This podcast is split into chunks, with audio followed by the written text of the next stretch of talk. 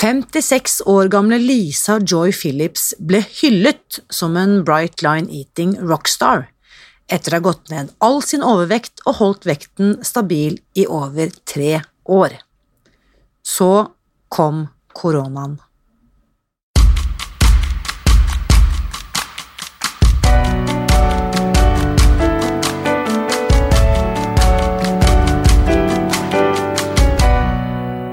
Mitt navn er Irina Li. Jeg er journalist og forlegger, gründer og sosialentreprenør.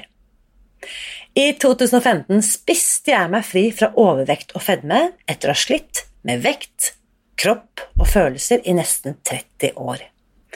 Etter at jeg fant oppskriften på å spise meg fri, ga jeg meg selv et nytt oppdrag å dele denne kunnskapen med alle som trenger det.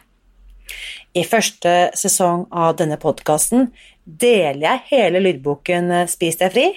Den finner du ved å bla deg tilbake til høsten 2019. Og hver uke inviterer jeg nå gjester som gir deg påfyll til hodet, hjertet og magen. For min visjon er å endre Helse-Norge, og det får jeg ikke til alene. Du kan bidra ved å abonnere på podkasten, skrive en omtale i iTunes og dele denne episoden med noen du bryr deg om.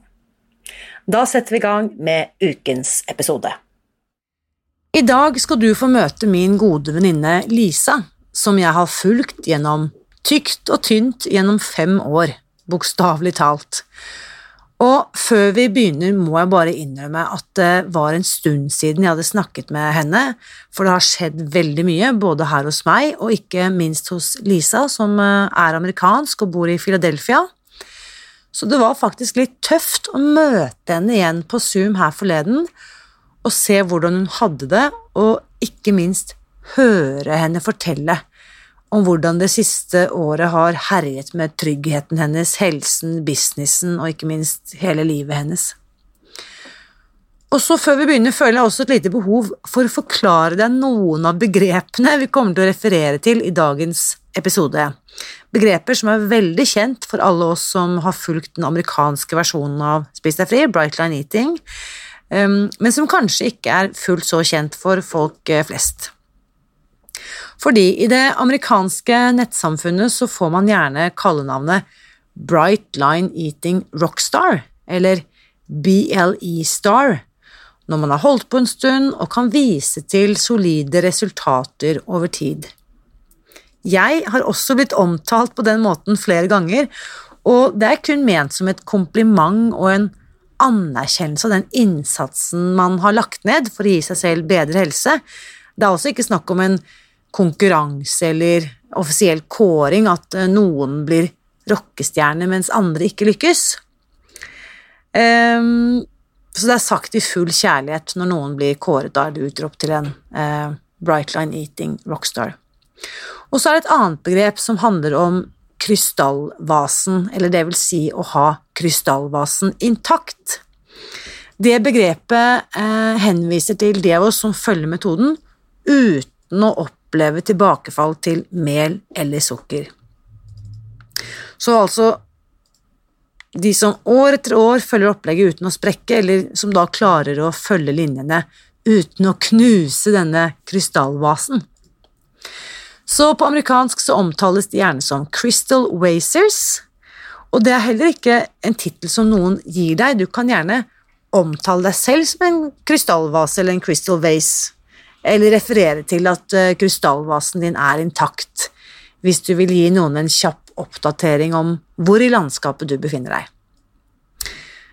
Og igjen, hensikten med disse begrepene, eller hedersbetegnelsene, var nok i utgangspunktet tenkt at de skulle virke motiverende og inspirerende, og derfor tenker jeg at det er viktig å høre historien til Lisa, for hun viser nemlig at uh, disse begrepene har også en annen side nemlig hva som skjer, og hvordan det oppleves når man plutselig oppdager at man faller, og det føles som om alt rakner. Så uansett hvor du måtte befinne deg på din reise akkurat i dag, så må du også høre hele min samtale med Lisa, for uansett, som hun også sier, så finnes det håp, og det er hennes opplevelser det siste halvåret et eh, bevis på. Så en siste ting før jeg slipper til Lysa, så må jeg bare få lov, til å lese opp en tilbakemelding fra Stine, som har skrevet og meldt tilbake om at hun nå har spist seg fri fra matavhengighet. I iTunes så skriver eh, Stine denne podkast kom over meg ved et tilfeldig søk om kosthold. Selv for en normalvektig er denne filosofien en måte å bli frigjort fra matavhengighet og matsug. Min erfaring er en mye bedre hverdag med stabilt blodsukker og mindre anfall av migrene. Ikke alltid like lett å følge streng matplan, men det er verdt det. Takk for fantastisk ny kunnskap og spennende intervjuer. Takk for en ny og mye bedre hverdag, skriver Stine. Og her må jeg bare si tusen, tusen takk til deg, Stine. Å lese at du nå føler deg fri fra avhengighet og har fått mindre migrene, det gjør meg spesielt glad. Og det er jeg sikker på at kommer til å inspirere mange andre også. Og så altså, without further ado, dagens engelsktalende gjest, her er Lisa. Dear Lisa, I'm so happy to see you again. Oh, great to be here. Thank you. So, I mean, we know each other. I would almost say intimately, if uh, that is uh, maybe that that's the wrong word, but I mean, we've known each other for several years now. Yeah, almost five. Almost yeah. five years. And uh, we used to be able to give each other long, warm hugs, but uh, no more.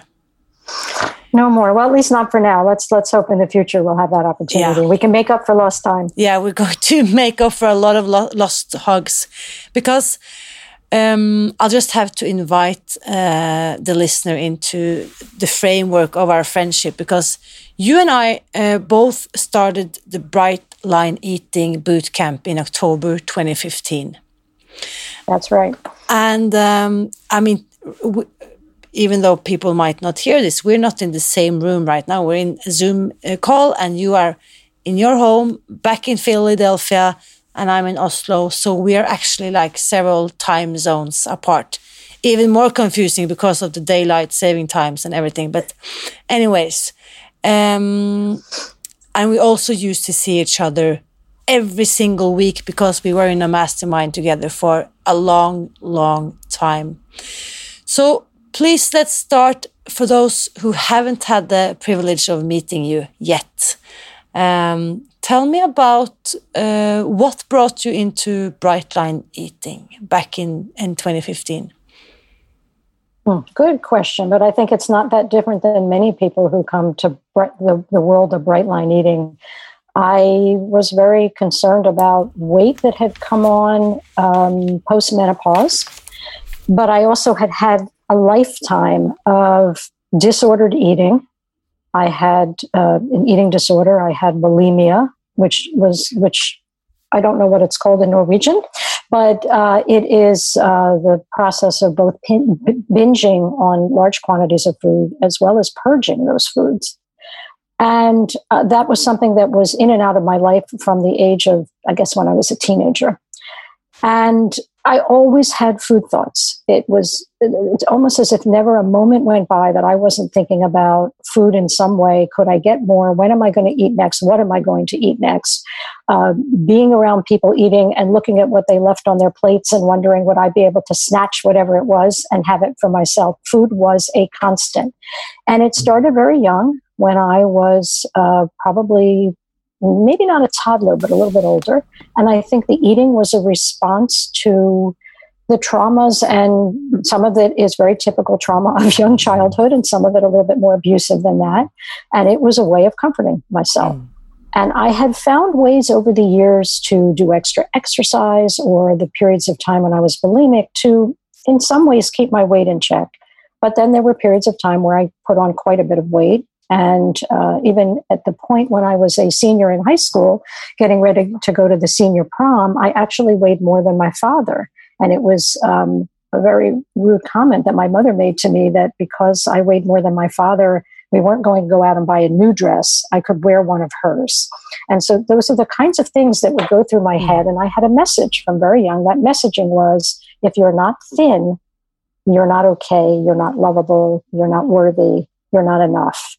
And I carried that with me, you know, probably all through my life, uh, marriage, children, came to October 2015 with a bit of an understanding that I had an issue with sugar. There was no question in my mind that sugar was, was problematic for me and that I could eat and binge on very large quantities and in a way that was completely out of control. And so somewhere on Facebook, I saw, I don't know who posted it, I'm still not sure, but I saw Susan Peirce Thompson talking about the addictive qualities of sugar and flour. And the light bulb went off, and I thought, yeah, this makes more sense now. This is why it seems like I can't just have a little bit, I have to get rid of it completely. And yeah. Did you have that? You talk about a light bulb moment. Was that like this aha moment, like knowing that this was totally different than anything you had heard before?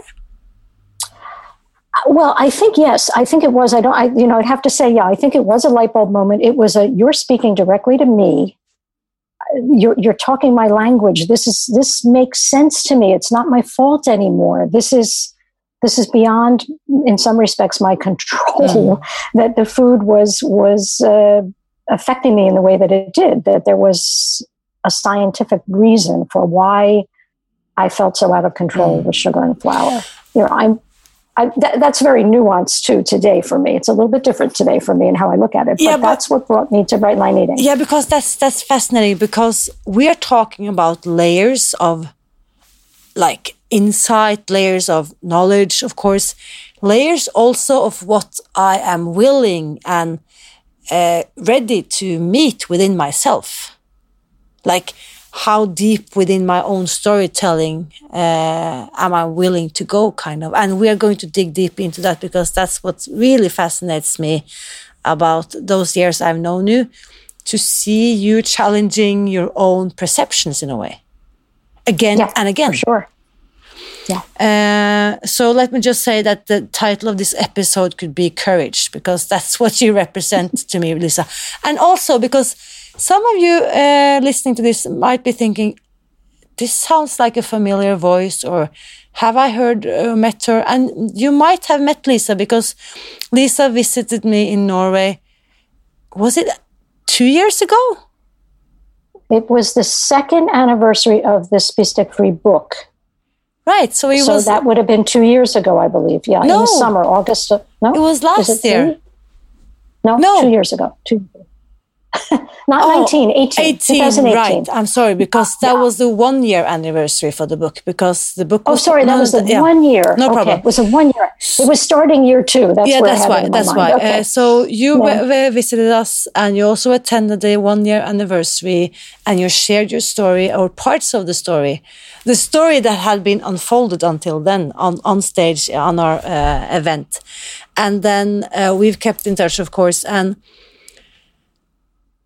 let me first start uh, with one of the. I, I, referred to you just last week when we had this. Um, I do this weekly Facebook Lives on Wednesdays at 1 p.m. Norway time. I know that you popped in and said hello. I was very happy to see you there. And then because the, the topic for that Facebook Live was why do we weigh our food? And then, since I saw your name, Lisa, I actually told uh, uh, the audience the story about you not weighing your food, and you were very successful with that, uh, following the, the what Susan refers to as a one plate rule, meaning we just fill our plates once and then we don't go back for seconds, and we but we don't measure or weigh it. So tell me, Lisa, why did you choose to take that approach towards your food? So when I came to Bright Line Eating, I pretty much was on board with most of what Susan Peirce Thompson offered in terms of write your food down the night before, um, three meals a day, no sugar, no flour, uh, no snacking. Um, the bounded quantities with an actual food scale scared me. I had a part of me that didn't want my family to know what I was doing. I felt that it there was some sort of stigma attached to weighing and measuring my food. And when in a bootcamp video, I believe Susan mentioned the concept of a one plate rule, I thought, well, I could give it a try. What's the worst that could happen? I felt like she had given me an opportunity to try something, and I was willing to try it. And uh, from the start, for whatever reason, I was able to very comfortably weigh and measure my food for it turned out over, over, excuse me not weigh and measure use the one plate method uh, for a little over two years but i want to say that it was most successful in the in the six months it took me to lose my weight when i got to maintenance I started having some questions right. about it. I think that was around the time, or maybe a little later, when we were together in the mastermind and we challenged you more than once like, hey, Lisa, what about weighing your food? Hey, Lisa, uh, have you have you considered giving it a try to weigh your food?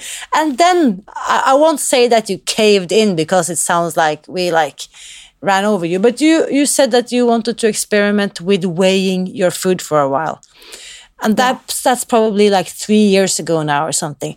What happened? Yeah, give or take. Well, a combination of things. Number one, I was in that mastermind group with you, and you folks were encouraging me to try using the scale. And I had already seen I had been to a Brightline eating reunion with three to 400 other people in San Diego, and I had seen people using their scales, and I had seen what that, what that was for them. I had been reading posts in the Facebook group about how much peace it gave people. And at the same time, I was in maintenance. I was, my weight never really varied more than within a five pound range. I don't know what that is in kilos. you know, two, two, kilos, two and a half, yeah, around yeah. two, two and a half kilos. Mm. But I'm also very short. I'm four foot ten and whatever that is in centimeters. And um, five pounds actually felt like a lot on me.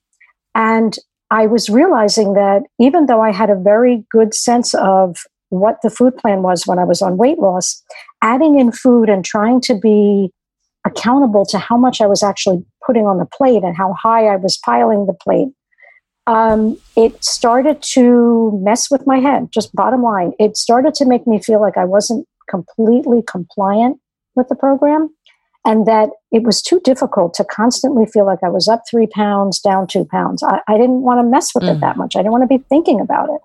And so I was doing um, some inner work uh, with somebody from our community, Everett Considine, uh, the parts work. I don't know if we want to get into all of that right now, but but by doing, uh, I've had a session with him, and and you folks, wonderful women in our mastermind group, were encouraging me to try the scale, and I was fortunate that my daughter is a knitter, and she has a really it's a digital food scale that she uses for weighing yarn, and I said.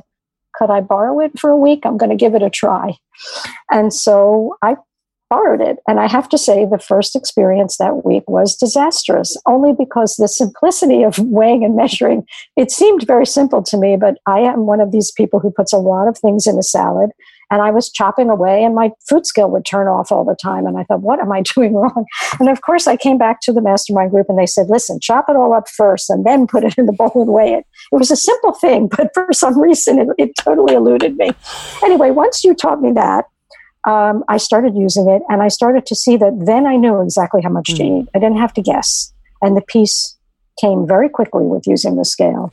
And my weight stabilized much more. It never moved more than a pound one way or the other. That went on for two plus years, I guess, give or take. You know, I have referred back to that story and your experience.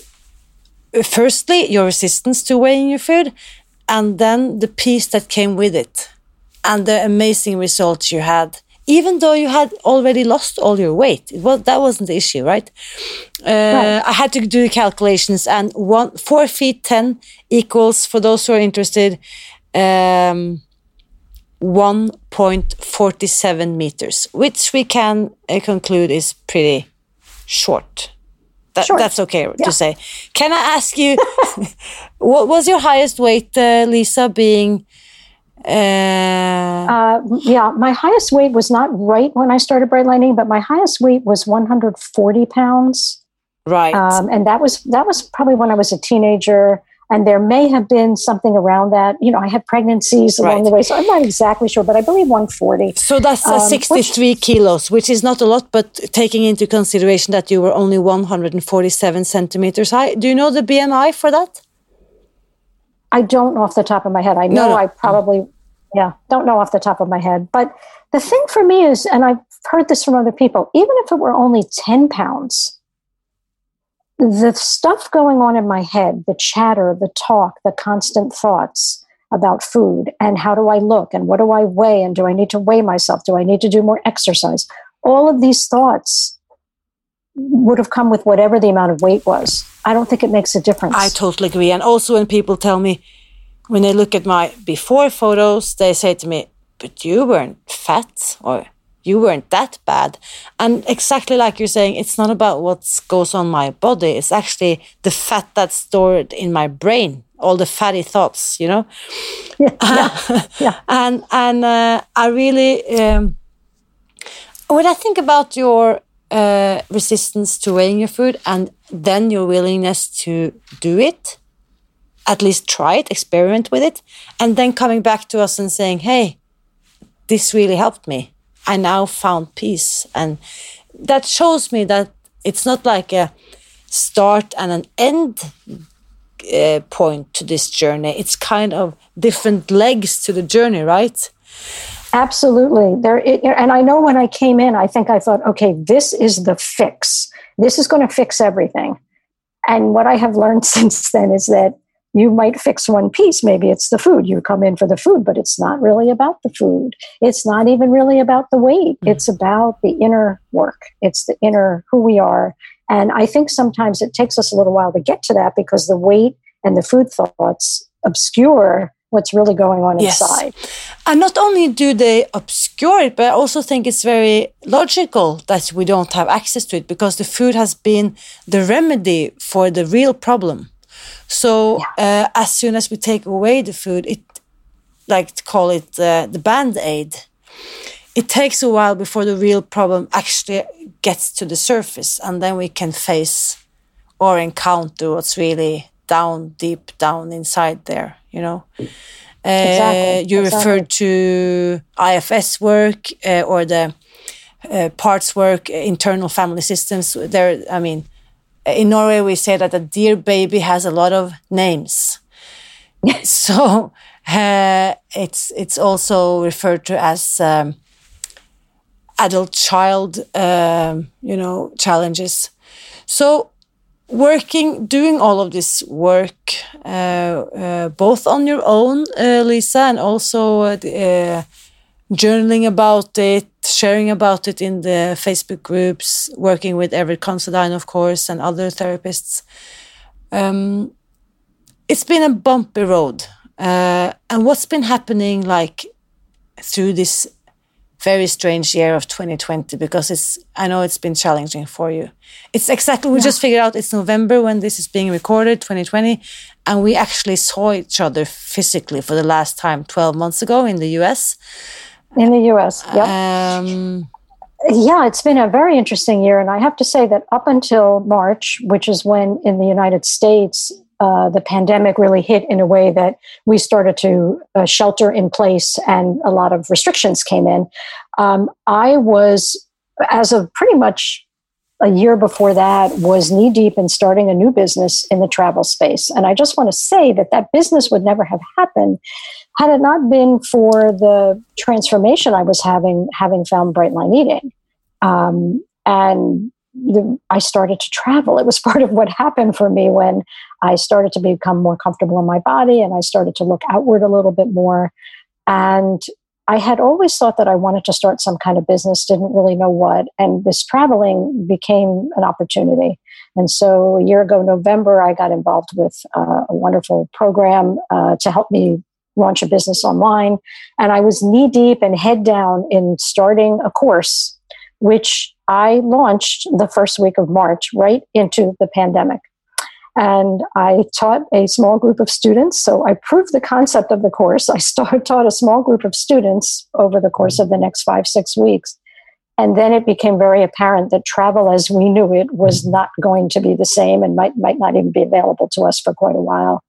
And I was pretty devastated because I could not figure out a way to pivot my business at that time. It was, it was such a buzzword pivot, find another way. And I had been so focused in one direction that I just didn't didn't have it in me to try to make a change. And at the same time, so I, I had this business, I wound up shutting it down. you know, regretfully. And it was a big disappointment. But at the same time, I have two daughters, one of whom lives at home and is chronically ill. And that is always a stressor in our lives and a little more concerning when there's a pandemic going on and we don't want to be bringing it into our household. But our older daughter, um, who normally lives in New York City, decided to come home from New York because that was a hot spot of the pandemic at the time. And so she's been living at home with us since March and might be with us who knows how long we don't know exactly and that brought a lot of joy in the family but it also brought some new stresses and some new stresses in the kitchen having somebody else cooking and just a bunch of things that i hadn't you know hadn't had to deal with up until then she'd been living away for quite a few years and as well at the same time again kind of spurred on by the pandemic, I became estranged from my parents. I had always had this very kind of on and off again relationship with them, but it just was another stressor that came. And so I had this combination of stressors, and all of a sudden, my old coping mechanism of binging came back.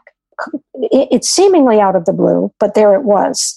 It was a way of dealing with the stresses of the changes, the, the, the tremendous dissatisfaction and disappointment about where life was all of a sudden.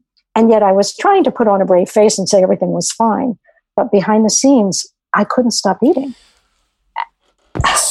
So let me just pause for a second because um, this is now March, April, May. When did you discover yourself returning to your old uh, coping mechanisms? I believe yeah, I believe it was the end of April, beginning of May. Right.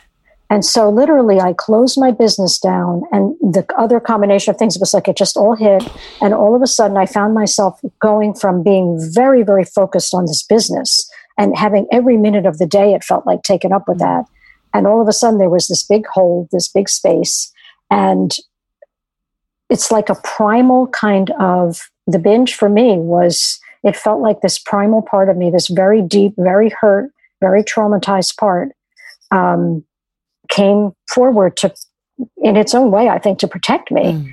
And the beginning of the binging was that I was able to keep my weight under control for quite a while. I didn't actually start gaining weight until end of August, but it was a very difficult time and i had a full house of people so there in the past when i had binged i could keep it very secret it was harder because of more people being around me. Mm. It felt like I never knew who was going to walk into the kitchen or what have you.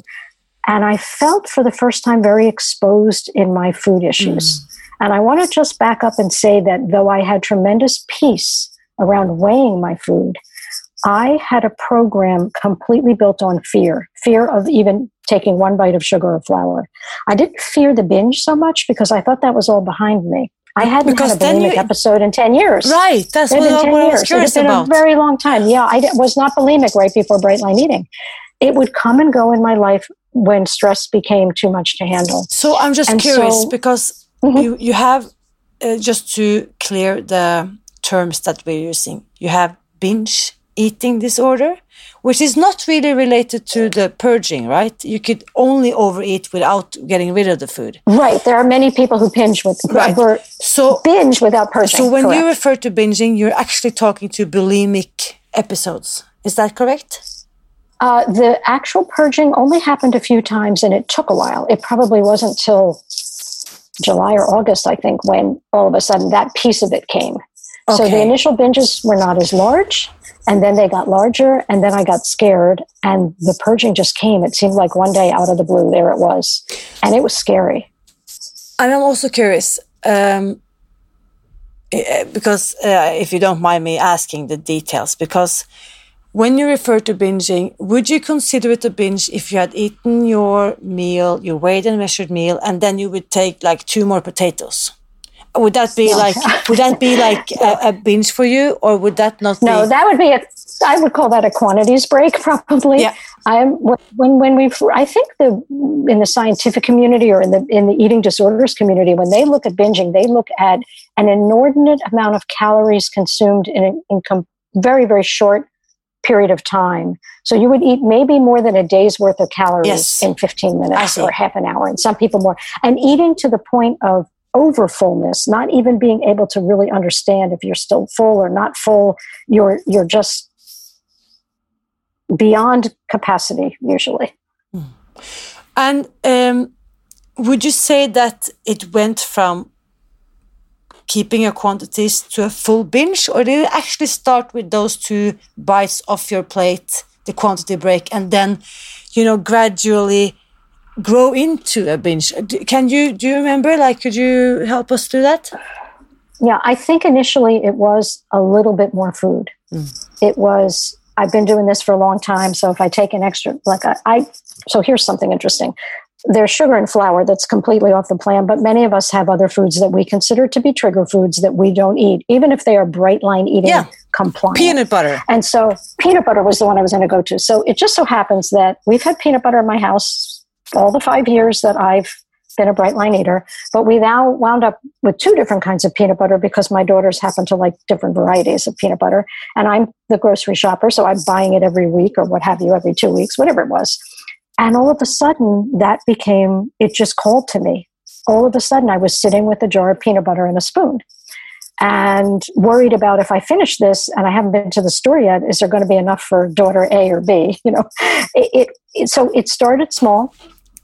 Um, I didn't go near sugar and flour until I believe it was September. So I had all those months of just these quantities breaks and then moving into these larger amounts of food. Mm and still my weight was pretty much okay then it got to the high the highest part of my my goal range and then something clicked and i don't know if it was the amount of time this had been going on the fact that i was starting to share it with other people in bright line eating what was happening having to be very vulnerable in front of people and say this is what's really going on for me after having been somebody in the community who you know, we use this term rock star. I don't particularly like it, but often we're referred to as rock stars if we've been around a while and we've we've had some sort of success with bright line eating.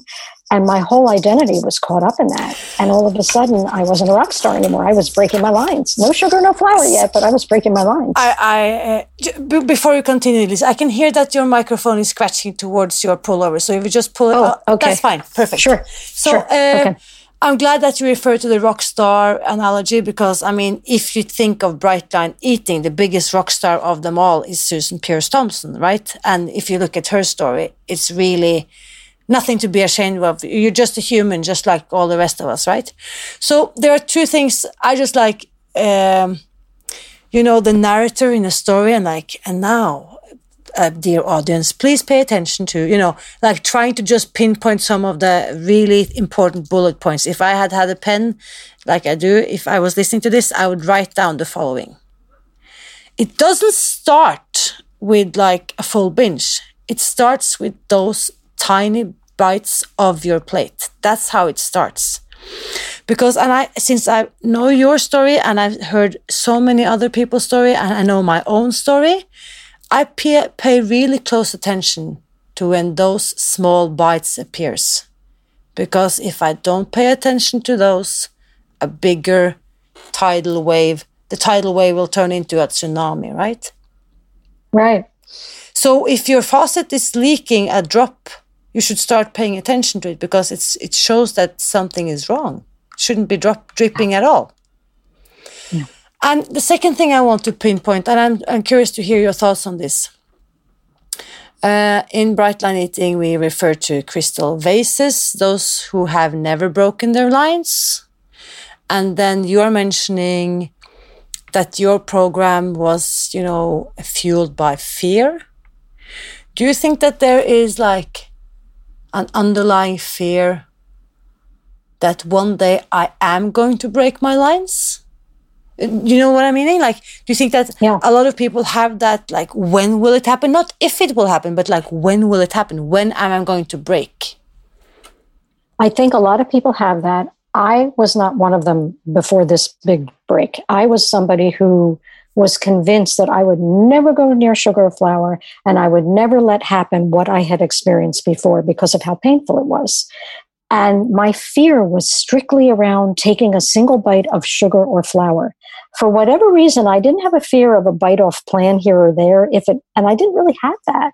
I had a fairly crystal vase going through my program, but my fear was that if I do it, it was more of a perfectionist type of fear, a controlling, I've got to do this program just right because if I step just a little bit off and it's the sugar or flour that was really concerning to me. And I had a couple of experiences where I inadvertently ate something in a restaurant that had something in it um, that resulted in my eating off plan. It, one of them happened in December, so not that that long ago. And I even called the restaurant to ask what was in the food, and they weren't able to identify anything. And I was convinced that there was something in the food because I had a binge and then I stopped. And I knew I was going to stop because it, it, almost felt like a chemical mm. shift. Mm. So, but the fear was around ever having to go back to that life of sugar and flour. And I have to say, I think part of that is born out of the idea that we are told that we are addicts. But maybe we don't all identify as addicts per se, but that as an addict, we don't ever pick up that food again. And so that that's a very strong line in the sand. And so I think the, the fear was very healthy, mm. but it was it lacked a trust in myself. That's what's changing for me now. But but prior to COVID, yeah, my my program was very rigid, very inflexible, and it made the people around me not so happy either because it made it hard to go out to eat there were i was much more fearful of having to eat in restaurants because of experiences that i'd had where inadvertently something was in the food or calling attention to myself because i'm asking for them to leave something off the plate um, mm. i have to say part of it is that i didn't have a tremendous amount of support in my own family mm. so when you're kind of the outlier you i did whatever i could to put some boundaries around what I was doing and keep it as contained and controlled as I could. Mm. And I really see that now. I don't think I saw it at the time. And also maybe it's it's hard as a as a spouse or as a daughter or as a sister to support you if we can sense that it's fear based.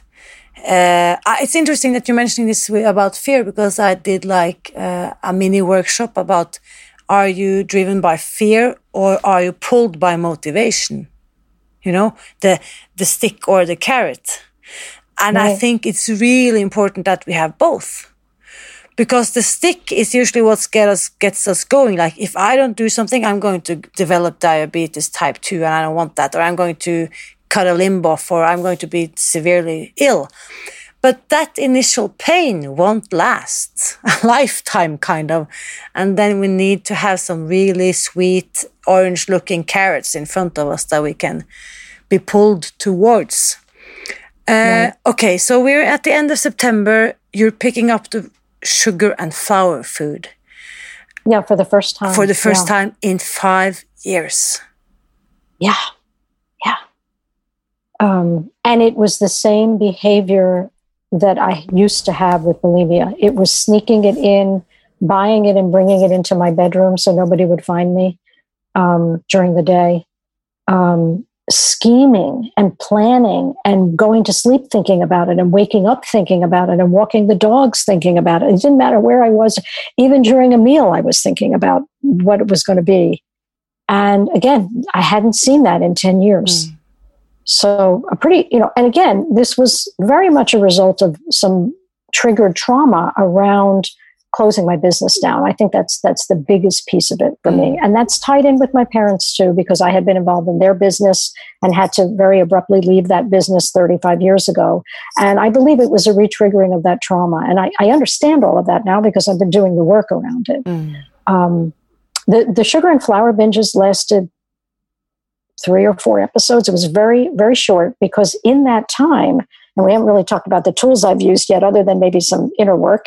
Um, I got myself a sponsor mm. because I knew I needed more accountability. The thing is, over those months, and it probably started in May that I had my sponsor, I was so fearful of reporting that I had a binge, that I ate off plan. It, it, it felt there were, I have a wonderful sponsor, very compassionate, but I had my own idea about how that person would feel if I broke my lines. Mm.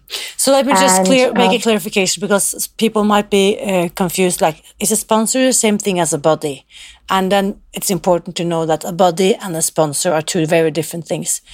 The sponsorship thoughts is something that uh, Susan has implemented in the Bright Line Eating communities as a, I would say, uh, it's the same as the sponsorship in uh, the 12 step programs.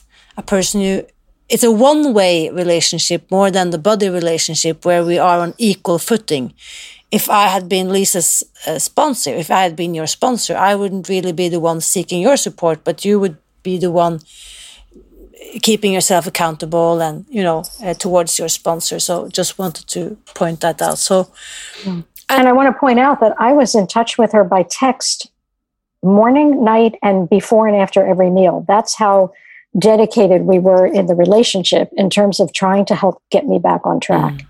and at a certain point i realized and i shared with her when i broke my lines and binged when i purged um, i shared the sugar and flour and shortly after that, we decided to change the relationship a bit because it felt punitive to me, even though it was nothing she was doing.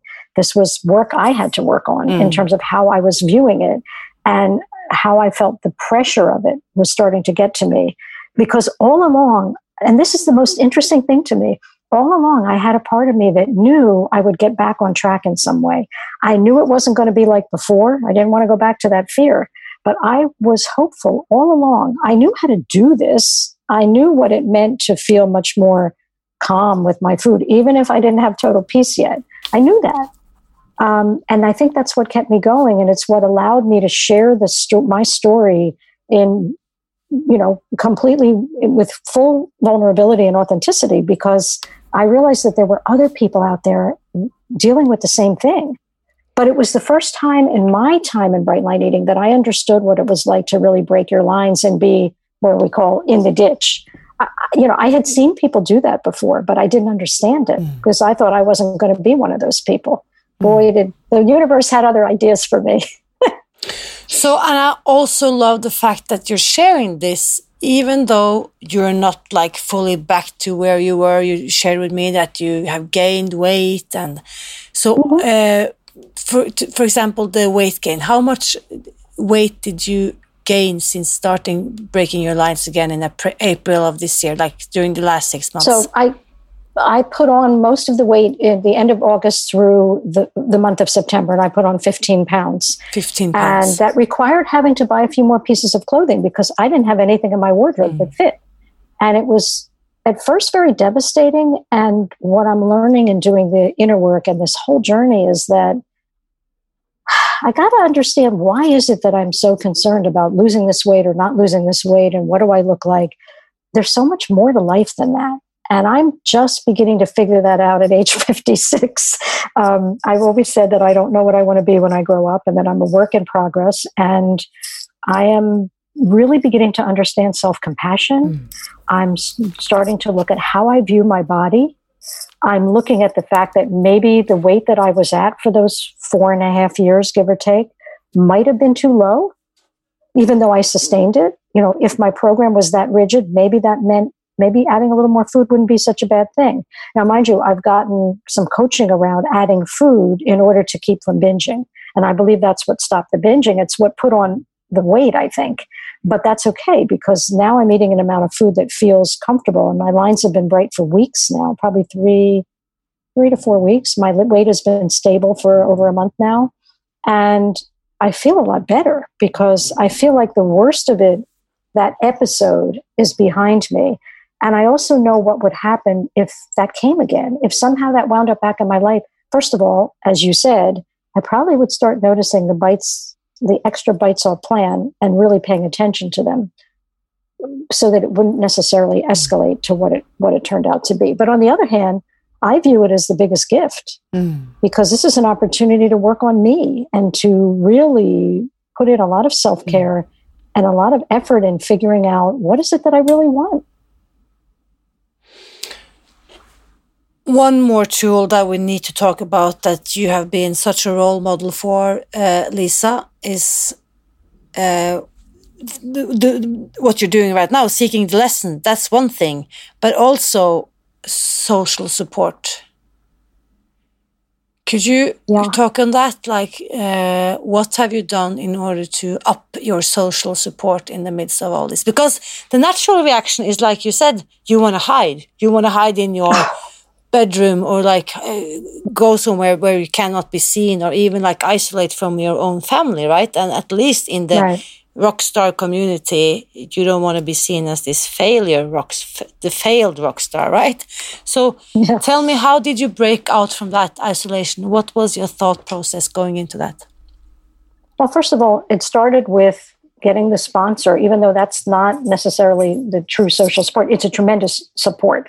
And it, it, it's we had face-to-face conversations too not just texting but i had have always had a mastermind group you and i are not part of the same mastermind group anymore but i've had a couple of mastermind groups that i've had all along and the first thing was coming clean to my mastermind group about what was going on because for a while I was just sort of holding it under the surface and I wasn't ready to share. And I love these people and we're very close. And, and I think by opening up first there, and then I opened up in our Facebook group, uh, in our Bright Lifers Facebook group uh, in Brightline Eating, and I started posting about what was real for me, what was really happening. And what I noticed is people would respond. I remember one of the early posts that I put up, people were responding about how they had been, quote unquote, in the ditch for one year, for 18 months.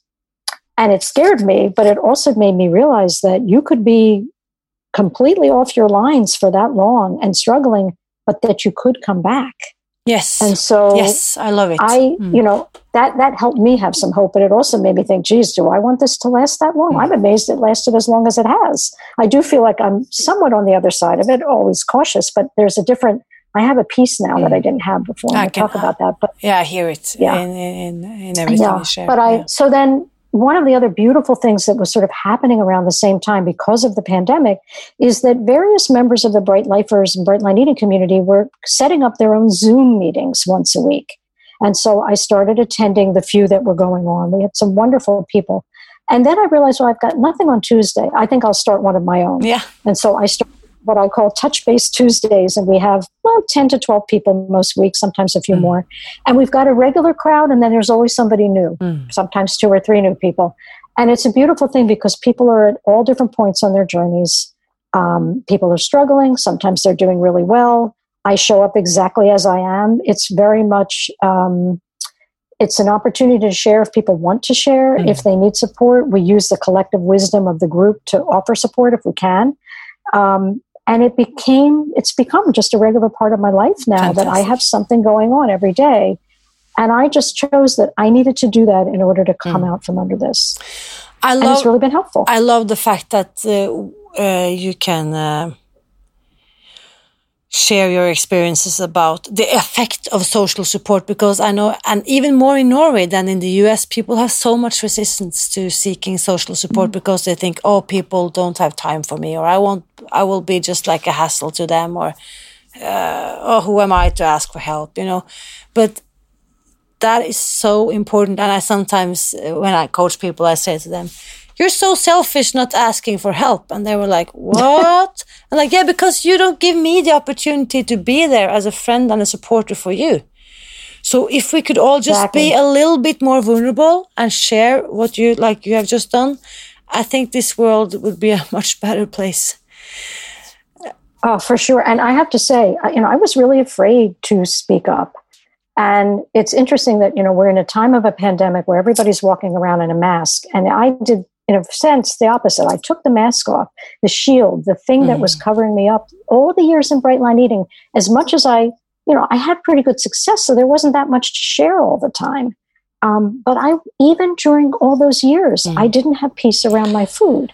And that's what's changing now.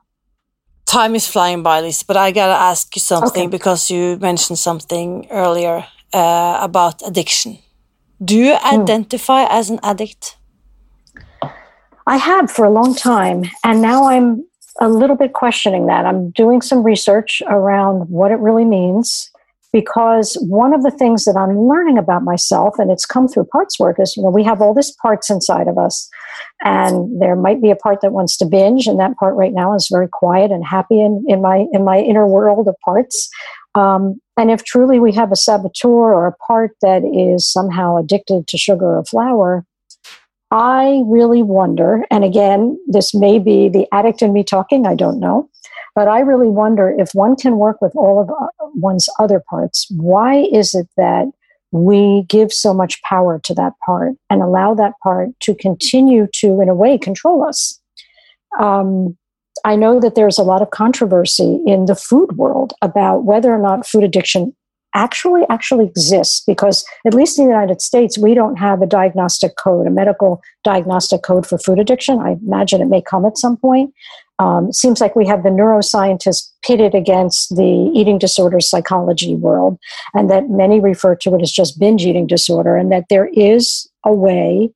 Then there have been some people who have been able to get to a point of eating intuitively and trusting themselves.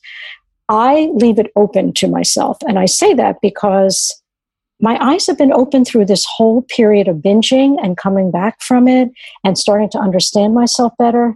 And I think I came into bright line eating and said, okay, I'm a sugar addict and potentially a flour addict too. Um, and it's the only way I've ever thought of it. I've never looked at it any differently. And I'm just questioning it a little bit now because I managed to have binges of sugar and flour, and I'm not doing that right now. So, why is that? Now, mind you, my brain is cleaner now, there's no question. But I could have been in the sugar and flour for months, and that didn't happen. Mm. So I'm just, I'm just, because I'm continuing to do more and more inner work, I'm doing more research around it and trying to understand better why it was so appealing at first to call myself a sugar addict. I do understand that I was somebody who binged. There's no question about that. So, uh, just to answer my own question, I define myself as an addict because that makes my world so much easier to manage. I mean, I prefer the black and white, uh, and I know it's not correct. I, I know my intellectual me knows that the world is not black and white, black or white. However, it just frees up so much mental capacity. So by defining myself as an addict, I can live by an addict's rule, you know, like the rule book that, that goes for addicts. And there might be another rule book that could also work, but I think it would be much more complicated for me, you know? So it's the hmm. lazy addict in me talking, you know? And I'm, I'm right because I also know that a lot of people have fear around what does it mean to for me to, uh, you know, identify as an addict. Will I be less worth, or will I be a failure, or I had another conception of addicts. Those are people I don't want to identify with. But like instead of just embracing the term and making it my own, mm. not that I have anything to be ashamed of. I'm not any less worth than any other who's not an addict, but it just makes my life more manageable if I know that I'm an addict. What do you think of the notion of being powerless to those particular addictive substances? Yes, that's exactly. I know that's kind of a 12 step concept. Yes. But I'm curious what your thoughts yeah, are. Yeah, I'm uh, happy you're asking me because that's the definitely uh, the in Norwegian we say lakmus test. Uh, it's called, you know, mm -hmm. that's the test question, right? The litmus test. Yeah, the litmus test. Right. Um, yes, I identify uh, uh, being powerless uh, in terms of sugar and flour. And then what does powerless mean, right? And I remember my mm. own sponsor uh, coaching me on this. In uh, we had the conversation about this in my twelve step group. Like there are so many uh, substances and you know what do you call it processes that I'm power, powerless towards. And she mentioned the term admitting that I'm not in control of. Which mm. makes perfect sense to me, right? Because powerless is a very old fashioned word in a way. What does that really mean? Mm. How can I break that down? And it's not really tangible, but like I can admit not having control around sugar and flour. And that's mm. the powerlessness in my uh, relationship to those substances. Oh, thank you for that. Mm. Yeah. Well, I, I can only say that I, and I think part of it has come from the not so much around the addiction per se or the term, but in these last few months looking at why was it so important to me all along to be thin?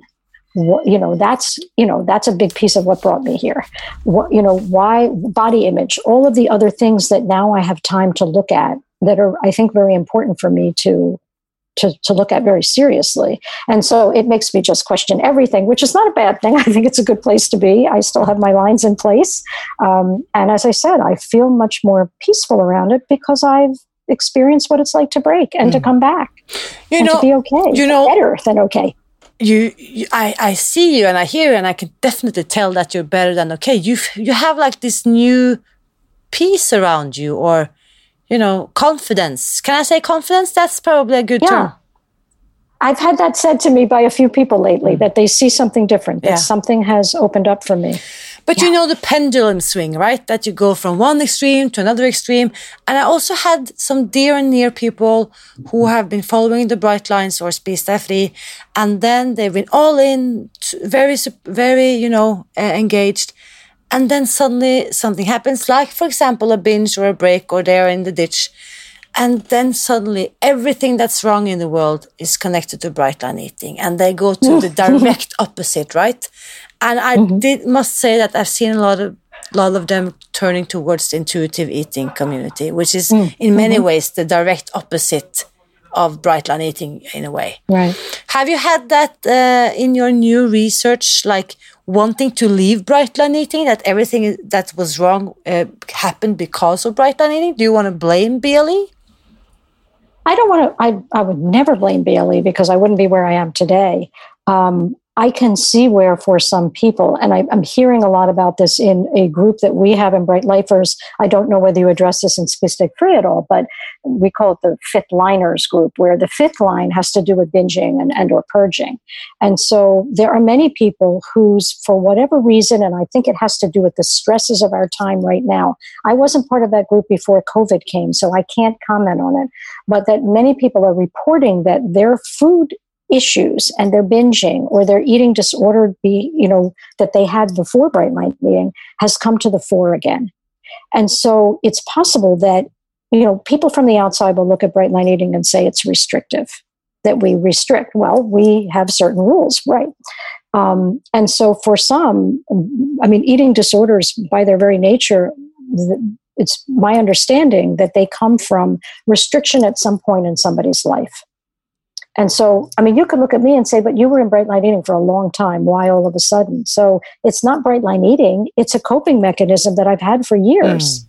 But mm. that was originally born out of the dieting culture that I came out of and the dieting at a young age and the restricting at a young age. Yes. And then we're back so, into childhood and relationship to parents and my thoughts yeah. about myself from the programming that like the seven last generations have passed on to me, right? That that's like a right. huge topic, definitely. That's actually sure. what I've been working on the last few years, like storytelling, how much the stories mm. I tell myself, right? The layers right. of those stories and the old stories and the news stories. So, um, what other uh, tools would you like to pinpoint that's been really helpful for you during this, let's say, this fall of 2020? Well, I always say, and it's, not so much a tool, it, but it's just just show up, keep showing up, no matter what. No matter what, it doesn't matter whether your lines are bright or not keep showing up in whatever way you can. If that means calling a friend, if that means texting a friend, a buddy in Spis deg fri or Brightline Eating, if that's showing up on a Zoom meeting, um, the most interesting thing that's come out of the Zoom meetings, and I think it's one of the biggest tools that I have to say that I have. I mean, my sponsor is is a huge tool. Don't get me wrong; that's been huge, been very instrumental in keeping me showing up, really, um, and her tremendous compassion, even though she's my sponsor and I'm accountable to her. Um, the Zoom meetings opened up something that many of us are really lacking right now, which is that face to face experience. We show up on camera for the most part. Occasionally we'll see ourselves, you know, not on camera for one reason or another. But because we're seeing each other in the best way we can face to face, even though it's virtual, it feels like we're in the room together. Mm.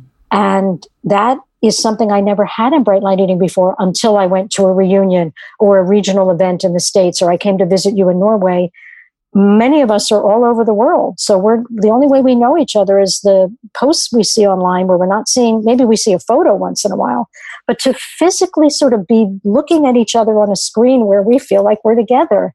Um, that's been everything. Mm. That's this sort of warm embrace. There's humor. These are not always serious meetings. There's a lot of humor. Mm. The interesting thing in a lot of the meetings is that people's dogs and cats are, you know, in the background and kids sometimes, and sometimes there are people doing food prep. You never know what they're up to. Mm. But the point is that we are starting to feel like little families every day yep. on the days that we meet. Mm. And there is an accountability in that. There's an there's a vulnerability in that, and then there's this tremendous supportive energy of the group. Mm. Um, and even I can remember one of my first Zoom meetings that I went to on a Wednesday night. Tony Wade, a wonderful individual in our Bright Line Eating community. Um, I literally a minute before that meeting started, I was in a full on binge, and I was debating not showing up. And I came about two minutes late to the meeting and already felt like I was late. It was two minutes, mind you. And I remember I immediately, when it was my opportunity to share, I said, I came in late because I literally just had a binge. And just being able to externalize it yes. meant that I didn't have to beat myself up about it because I was in a community of people who weren't going to judge me. They understand, many of them have been there. And I then wasn't carrying the energy around having just had a binge. Yes. So, not isolating is the best thing you can do. Just keep showing up. Keep. I also am journaling. Um, journaling. Let's see. That that's that's a big one that I started um, probably in probably in May, I would say. And I've never been somebody who journaled. I have a five year journal that's five lines every night. Um, but but a journaling where I'm writing pages and pages. Yes. And sometimes it's just important to get the feelings out and really digging into what the feelings are mm. um, and allowing them, even when I've been incredibly sad, mm. you know, in a lot of pain, because you can weather those feelings by allowing them to come in waves and then you get through them. Um, I take walks. Um, what else? What else? What else? I know there's more. I still write my food down every night, even five years in. That has not stopped from day one. I don't think I've ever missed a night. I think one night I missed it and first thing in the morning I wrote it down. But I mean, literally, that is something that has been, again, maybe that's part of the rigidity of my program, but it's important to me because it reminds me.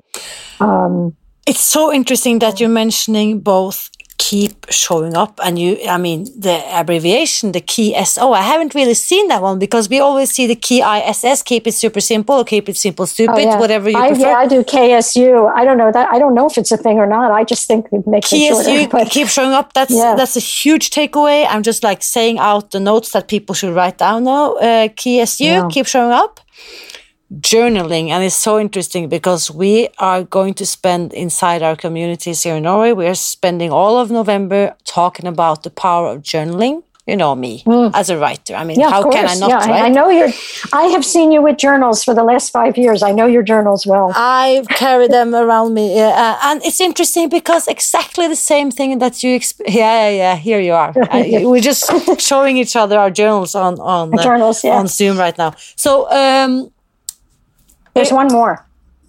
Yeah. Meditation. It walks and but food I, plan and then meditation, which I. And the meditation yeah. is, yeah, it's changed for me a little bit. I am using a lot more visualization in my meditation. And I think that's very powerful, especially when my body has changed and I'm visualizing something different for the future. I don't know yet what work situation I'm going to have or how I'm going to contribute to the world. I mean, right now it's doing service in the in the bright line eating world of just showing up and telling my story. That's my service right now. Um, but sort of visualizing a different future, even visualizing what's going to happen the next day. Mm. Um, because I think if you can see it in your mind's eye, there's a better chance that you're going to get there. And so sometimes when I meditate, I've had all different kinds of meditations over the years, and sometimes it's guided and sometimes it's not. And a lot of times it's just me and thinking about the future or concentrating on one specific thing. And I do it every day and I don't miss it because mm. I think it's incredibly important. It lowers our cortisol, our stress level. It's really important. So I'm curious, didn't you meditate? I thought you were a meditator prior to all of this as well.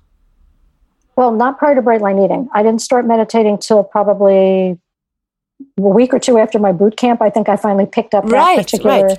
And I struggled with it. I struggled for a long time. I couldn't sit still. I, I tried all these different uh, free apps and, and uh, paid apps, and it, it, it has varied over the years. Sometimes complete silence. It varies. Again, I just love how you you keep not only keep showing up, but you keep doing the research. Like I, I, I know that this may be valuable for me. It, I didn't really find uh, quite find the fit that works for me. So let's go look another place if I can find something that works a little better. Because uh, nine out of ten, lists, I would have said, "I tried meditation, that didn't work for me." Right? Yeah, yeah. But on the contrary, you just say that there's something of value here to me. I just haven't figured it out yet. And the exact same you how you address your BLE program. So I just like again courage that's the that's my uh, big takeaway from what you're sharing lisa well, and I will mention because I know how involved you are with yoga that that is one area that is eluding me. I have tried a few times. It, I've not given up on it, but that that one is still um, that's a work in progress for sure. I'll come over to your house and give you some private uh, one-on-one uh, lessons. That's great. Uh, Lisa, for those who are in the ditch while listening to this, uh, mm. What can we tell her? Well, first of all, I just want to say I have so much compassion for where you are right now. And I, I think I know what it feels like, although I think for each of us it's different. But I just want you to remember that keep your eyes open. There will be this tiny little crack, this little sliver of hope.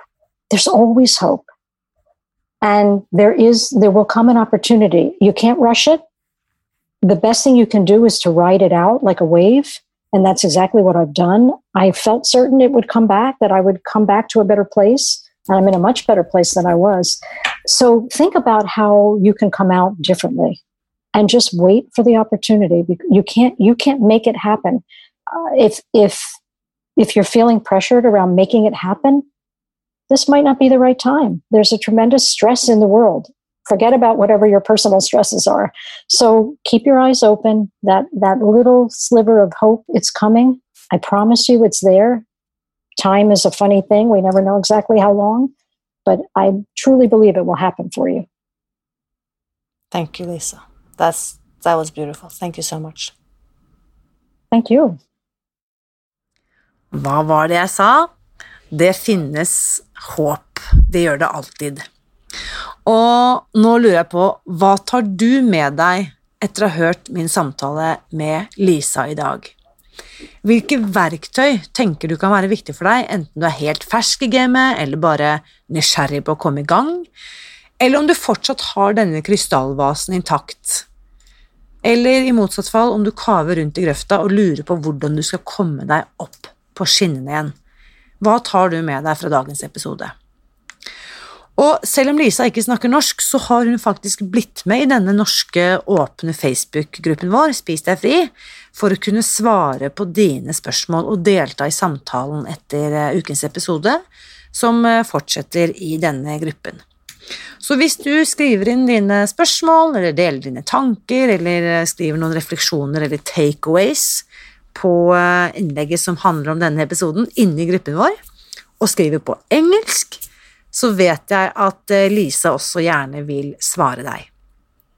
Og bare for å la meg understreke det igjen, Lisa er altså en av de mest erfarne Brightline Eating-damene jeg kjenner, så benytt anledningen til å få noen gode råd direkte fra henne. Det kan jeg på det varmeste anbefale. Og helt på tampen så har jeg en veldig god nyhet. Eh, hver onsdag klokken ett klokken 13 så har jeg altså en livesending på Facebook-siden vår, Spis deg fri, eh, hvor jeg svarer på dine spørsmål. Og nå i november så har jeg bestemt meg for å vie disse ukentlige livesendingene til tema sinnsro, sånn at du kan gå mørketiden i møte med et litt lysere sinn. Sist onsdag så handlet det om hva du kon konkret kan gjøre for å ta kontroll på hverdagen din og de tingene du faktisk kan påvirke, i motsetning til alle de tingene vi overhodet ikke har noen påvirkning på. Eh, og førstkommende onsdag da kommer jeg til å snakke mer om et tema som jeg aldri blir lei av, nemlig takknemlighet. Og for å guide deg gjennom eh, månedens tema, så har jeg faktisk laget en liten journal, eller en liten guide, som du kan laste ned ved å gå til www.spisdegfri.no journal, Og hvis du går dit, så får du da et Du kan laste ned et sånn lite hefte i PDF-format, hvor jeg gir deg tre enkle skriveøvelser som jeg har satt sammen for å gjøre hverdagen din bitte litt enklere. Og denne journalen den skal vi jobbe med gjennom hele november på disse livesendingene, så du kan laste ned ditt eksemplar helt gratis ved å gå til www.spisdegfri.no skråstrek journal. Og det staver man altså J-O-U-R-N-A-L. Det er på en måte en sånn liten dagbok, da. Og tanken er at denne dagboken, eller tenk på det som en uh, liten sånn, et lite hefte, den skal fungere som en slags guide for deg til mer sinnsro og større overskudd nå i november, når vi trenger det som mest. Og som du allerede vet, mitt motto er at gode nyheter er skapt for å deles. Hvis du har hørt noe i denne podkasten som du har hatt nytte av, sånn som Stine, så syns jeg du skal klikke deg inn på iTunes og skrive en tilbakemelding og legge en fem stjerner til oss. For da kan du bidra til at flere kan oppdage alt det livsviktige vi snakker om her. Husk også at jeg heier på deg. Alltid.